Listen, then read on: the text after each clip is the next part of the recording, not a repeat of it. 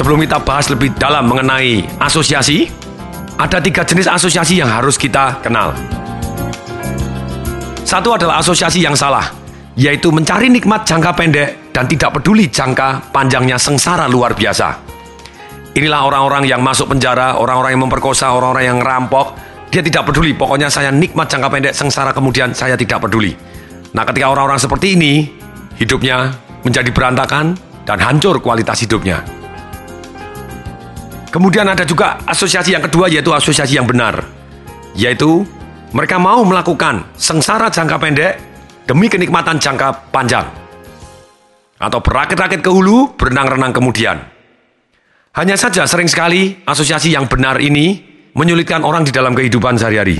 Kenapa? Karena otak manusia didesain hanya cari nikmat menghindari sengsara. Ketika dia sengsara, dia tidak tahan. Karena manusia, sekali lagi saya tegaskan, hanya mencari nikmat menghindari sengsara. Ketika dia sengsara, dia hindarin.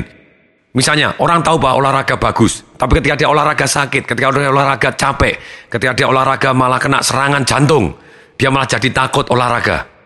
Jadi sering kali dikatakan, berakit-rakit ke hulu, mati kemudian. Akibatnya tidak berhasil.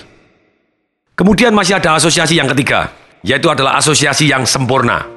Yaitu apa? Asosiasi yang sempurna?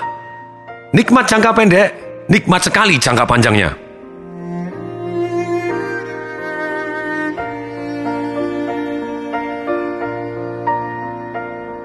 Contohnya, pada waktu Arnold Schwarzenegger, juara dunia binaraga, serta gubernur California, pernah ditanya oleh salah satu majalah, Arnold, kamu latihannya bagaimana? Kok kamu bisa sampai besar? Oh, saya latihan sampai besar, yaitu saya selalu latihan sampai sakit. Bagi saya, sakit itu adalah nikmat.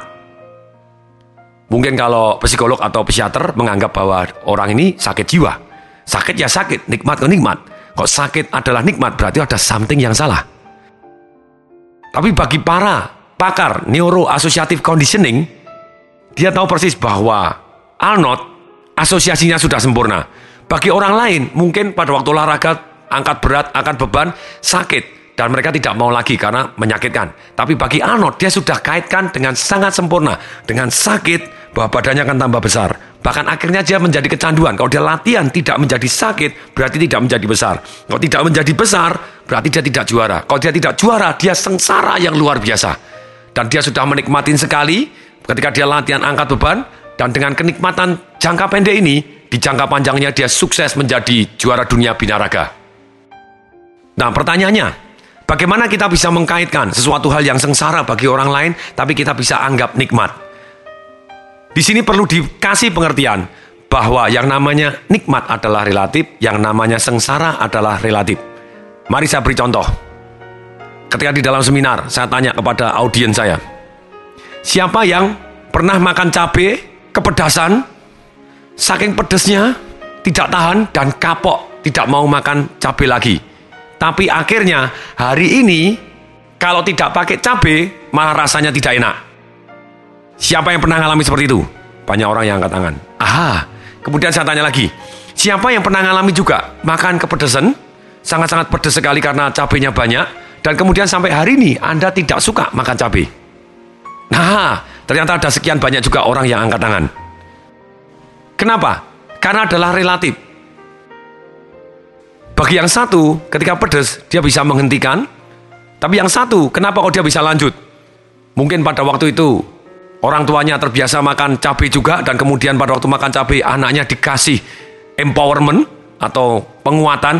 Ye, bagus. Sekarang udah berani makan cabai. Ye, bagus. Jadi dia mendapatkan kenikmatan dalam sudut yang lain. Ketika dia rasakan pedas, ah ternyata saya dapat tepuk tangan dari orang tua saya. Mendadak saya mendapatkan kenikmatan.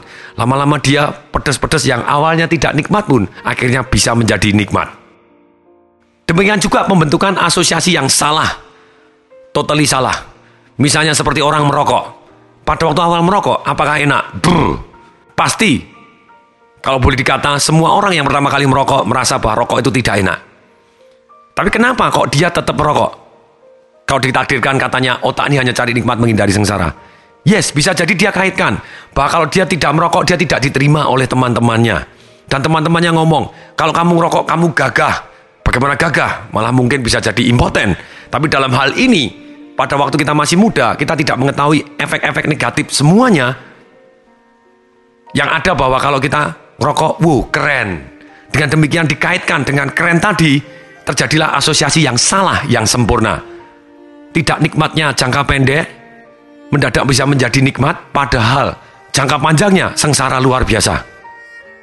Bayangin, misalnya rokok tadi adalah bau dan tidak enak, menyakitkan, menyesakkan nafas, dan kemudian jangka panjangnya membuat orang bisa jadi impoten, anak-anak di kandungan bisa cacat, terus bisa laku dan membuat orang menjadi kecanduan. Apa yang dilakukan oleh perusahaan-perusahaan rokok ketika dia melakukan kampanye?